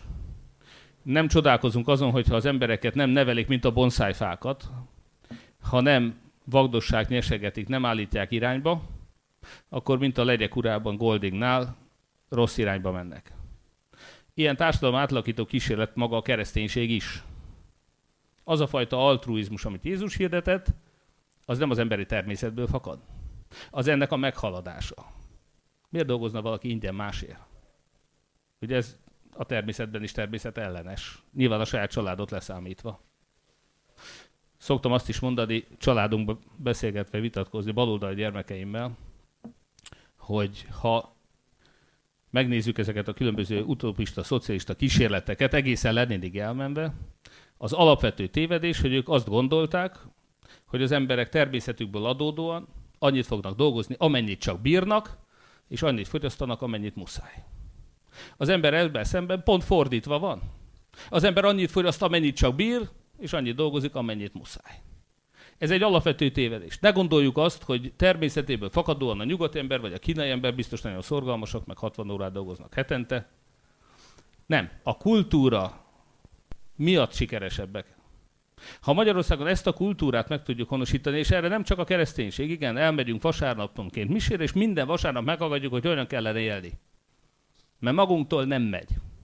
Erre tanítani kell.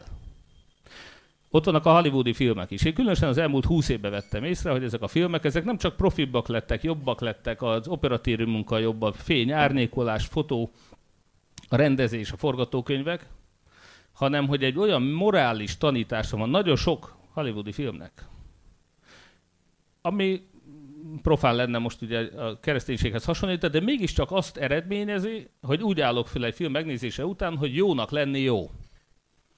Hogy nem elvetendő, igen, a zsebemből kihúzzák a pénzt, mert most én odaadom egy hajléktalannak, vagy odaadom az éhezőnek. De ezzel gazdagabb vagyok. Úgy merek tovább, hogy azt mondom, hogy ez a helyes cselekedet. És ott a negatív motiváció is. Szingapurban nem azért nem dobálják el a csiket az emberek, mert vele születettem, ebben nőttek bele, hanem vagy azért, mert a társadalom most már nyilván kinézi őket, először meg azt mondták 500 dollár büntetés, hogyha egy csikket eldobsz. És ez egy elég komoly motiváció volt. Egy hete Ausztriában, az ottani Interspárnak a parkolójában észrevettem, hogy már nem kell, vittem az eurót, hogy bedugom a kocsiba, azt nem kell. A Covid-nél, a Covid idejében, amikor egészségügyi okokból ezt megszüntették, tehát nem kellett az eurót bedobni, a, belökni a kosárba. Utána rájöttek, hogy az emberek maguktól is visszaviszik. Tehát a kultúra megváltozott. Ausztriában is két évvel ezelőttig az euró kellett hozzá, az az egy euró kis kétszínű érme, az kellett hozzá, hogy az osztrákok visszatolják a kocsit, a bevásárló kocsit a helyére. De hozzászoktak. Ugyanúgy, ahogy mi a gyerekeinket neveljük, az osztrák vásárlókat a kultúra nevelte. Eljutottak odáig. Nem kell. Most már nem kell bedobni az eurót, akkor is működik. Ugye kondicionálás. Pszichológiából tanultuk, nagyon helyesen vannak kondicionálva. Szóval igen, Magyarország nem elveszett. Hogy a magyaroknál is, hogyha jó példával járunk elő, hogyha a társadalom megköveteli azt, nem fogjuk eltűrni a lopást, a hazugságot, a csalást, akkor sem, hogyha mi politikai szövetségeseink teszik. Amit elvárok a másiktól, azt magunktól is elvárjuk, azt mi is vállaljuk. Ha ebbe a kultúrába tudunk felnőni, és hogyha akik itt vannak, ezt terjesztik, hogyha a barátomra is rászólok, ha eldobja a csikket. Sőt, lehet, hogy rá se szólok, csak én hajolok le, és fölvezem a csikket, ő szígyelni fogja magát, és többet sose dobja el. Mindenki, aki itt van, egy csík fölvételével megváltoztathatja a kultúrát. Ha beszélgettek a barátaitokkal, és nekik elmondjátok ezeket, az ország jobb lesz. Amikor 90-ben ez az ország átállt erre a nyugati modellre, és jöttek a nyugati cégek, én egy volt állami cégnél, egy áramszolgáltatónál helyezkedtem meg 95-96-ban. És azt láttam, hogy hirtelen azt, hogy minden főnöknek a titkárnő a szeretője, hogy korrupció van, hogy a szerelő bekapcsol valakit óra nélkül is, hogyha jól összekötik a kakasnak a lábát, hogy ne rúgja fel a demizsont. Tehát, hogy az a kicsi korrupció, az a kis, nekem is jár, én is hazaviszem, és a többi, mindenki ezt csinálja. Ha ez megszűnik, és igen, a nyugati kultúrát a nyugati cégek hozták be Magyarországra, még a hazafias szemléletet is.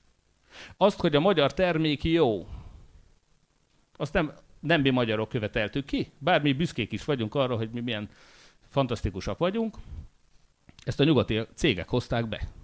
Mert oda-haza egy büszkeség volt. Finnországban is éltem néhány hónapot, Kotivainennek hívják a hazait, ott van a nagy piros hollandalma, meg a pici zöld finnalma, de az Kotivainen. És azt másfélszer annyira is megveszik, mert hazafiasak. Nyugati cégek idejöttek, és azt mondták, hát a magyar árura ki kell írni, hogy magyar áru, meg kis zászlót ki kell rakni. 90-es években a magyarok ezt kinevették volna. Az összes saját márkánk eltűnt a sülyeztőbe, nekünk a Pepsi, a Coca-Cola, meg a nem tudom, Hensel mosópor kellett, és nem a Biopon, meg nem a hasonló. A nyugatiak hozták még a haza fiasságot is, még a patriotizmust a vásárlásokba, a boltokba. És azt is igen, hogy nem lehet lopni. Persze nekik ez érdekük volt. Hát világos, hogy tőlük is loptak volna, neki is veszteségen.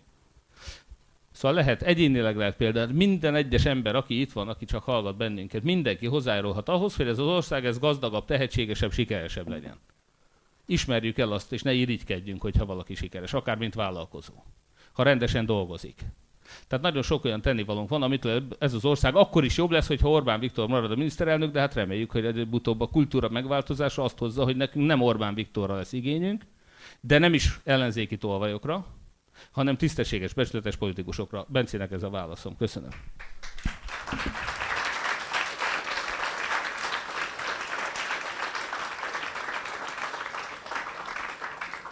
Köszönjük szépen, akkor végszónak vigyük haza szerintem ezt, vigyük tovább a tüntetésre ezt a kultúraváltást, tehát ezt a Puzsé Robert és Márkizai Péter is megfogalmazta. Sajnos az időnk lejárt, de azt látjuk, hogy milyen nagy igények vannak ezekre a beszélgetésekre, úgyhogy mindenkit abban arra biztatok, hogy holnap is jöjjön el Pilismarótra, ott is ilyen nívós előadókkal fogunk beszélgetni, és vasárnap is fog folytatódni a programunk. Arra szeretnénk még kérni mindenkit, hogy egy kép erejéig maradjon itt, csináljunk egy közös képet, és utána menjünk át közösen a tüntetésre. És még egy tapsot szeretnék kérni az előadóknak.